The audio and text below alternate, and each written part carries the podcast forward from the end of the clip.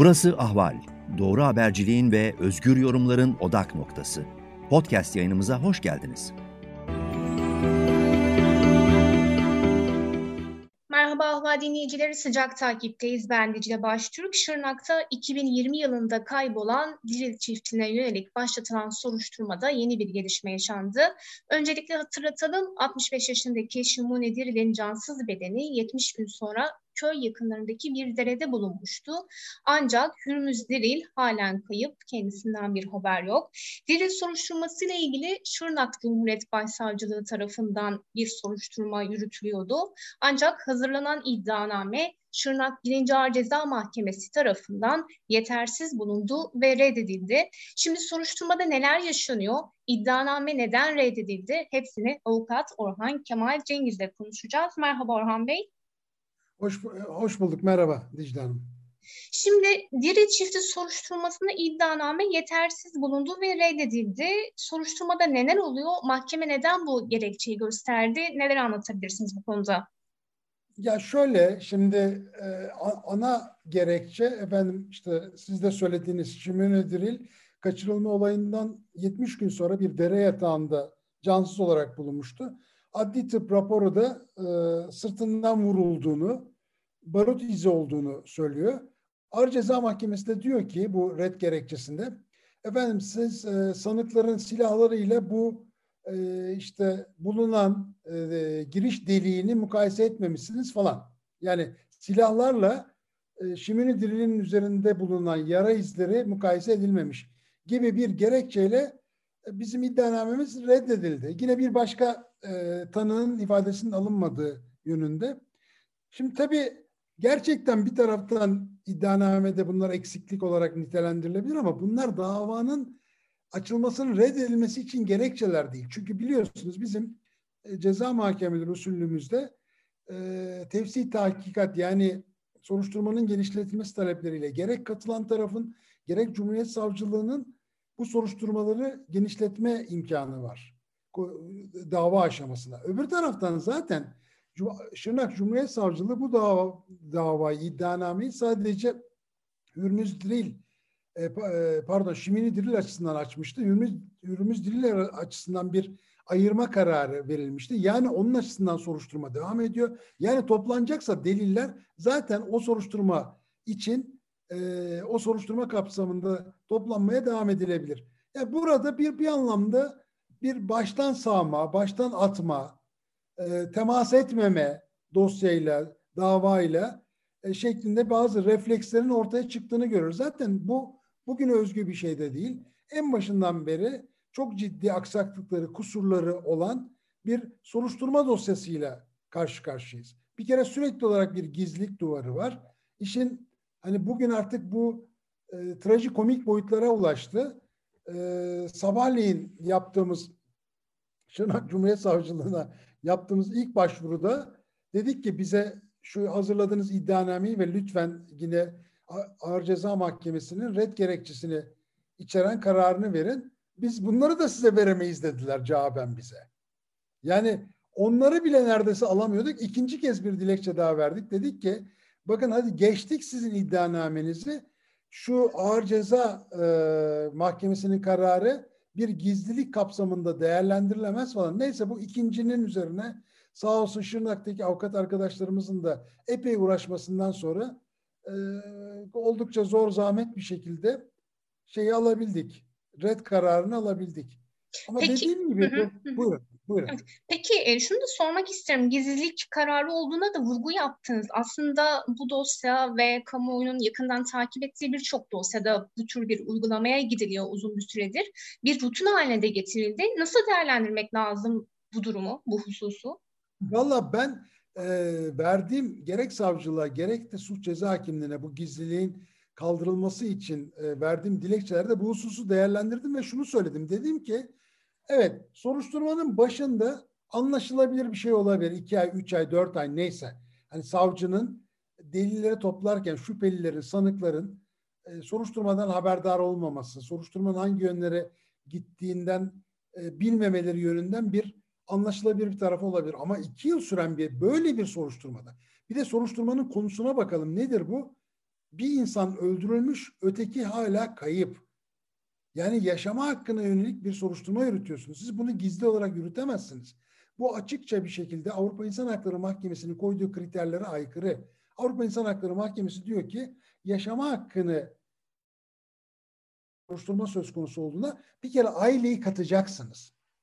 Yani e, müdahil taraf olarak bizim her aşamada her konuda bilgilendirilmemiz lazım. Fakat yani e, bakın burada şüpheli olarak, sanık olarak üç defa Aprodil tutuklandı, üç defa serbest bırakıldı. Biz bunları tesadüfen öğrendik. Bize hiçbir bilgi verilmedi. Dolayısıyla da bizim davaya katkıda bulunmamız da engelleniyor. Yani bu bir bu tür dosyalar aslında maalesef bir cezasızlık kültürü içerisinde işlem görüyor. Bu gizlilik de bunun bir parçası.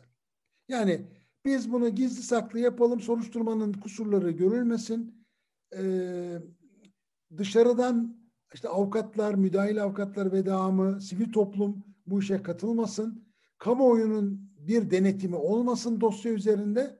Biz kendi kafamıza göre, kendi küçük kulvarımızda bu dosyayı götürelim. Böyle bir yaklaşım var. E, tabii bunların sonucunda da ne oluyor bu, bu, bu dosyalar? Kuruyup gidiyorlar. Yani şimdi iki yıl siz bir dosyayı saklıyorsunuz. Bakın yani şimdi buradaki e, trajikomik yana bakın. İki yıl dosyayı saklıyorsunuz. Gerekçenizde efendim ben etkili soruşturma yapıyorum. Sonra da iddianameyi veriyorsunuz ve Ağır Ceza Mahkemesi e, senin yaptığın soruşturma eksik, dosya eksik deyip dosyanızı geri gönderiyor. Yani bizi öyle bir açmazın içine koyuyorlar ki bakın e, mağdurlar ve mağdurların vekilleri olarak e, tamamen elimizi kolumuzu bağlama yönünde bir çaba var burada. Yani siz katılmayın, siz hiçbir şekilde bizim yanlışlarımızı, kusurlarımızı ifşa etmeyin, ortaya koymayın. Kamuoyu bunlardan haberdar olmasın. Hiç kimsenin haberi olmasın. Biz burada kapalı devre e, bir sistem içerisinde bu dosyayı götürelim gibi bir çaba söz konusu. O yüzden de biz eksik, yanlış neyse artık bu iddianameyle bir an önce davanın açılması için çok ısrarcıyız. Açın diyoruz. Davayı aç kardeşim. Davayı aç. Ne varsa bu dosyada hepimiz görelim. Biz de kendi katkımızı koyalım. Eksikleri de tespit edelim. Yapılması gerekenleri de tefsi hakikat yani soruşturmanın genişletilmesi talepleriyle dile getirelim. Mahkeme soru süreçlerine katkıda bulunalım. Şimdi bu soruşturmada birçok yapılması gereken noktaya dikkat çektiniz ama yapılmadığını da söylüyorsunuz. Peki bu durumda bu soruşturmanın ilerlemesine izin mi verilmiyor? Sizin bu konudaki izleminiz, e, düşünceniz nedir? Ya şimdi bu böyle giderse tabii yani e, bu şekilde devam ettirilmeye çalışırsa şimdi biz bakacağız. Bir şekilde dava açılıyor mu açılmıyor mu? Açılmıyor ise tedbir istemli olarak Anayasa Mahkemesi'ne oradan da ya tedbir ve öncelik istemli olarak Anayasa Mahkemesi'ne e, oradan da Avrupa İnsan Hakları Mahkemesi'ne götüreceğiz. Bizim yapabileceğimiz bu aşamada bunlar. Bireysel başvuru yoluna gideceğiz. Ama dediğim gibi arzu ettiğimiz şey bu değil. Arzu ettiğimiz şey soruşturmanın açılması. Çünkü bakın bireysel başvuru mekanizması ikincildir.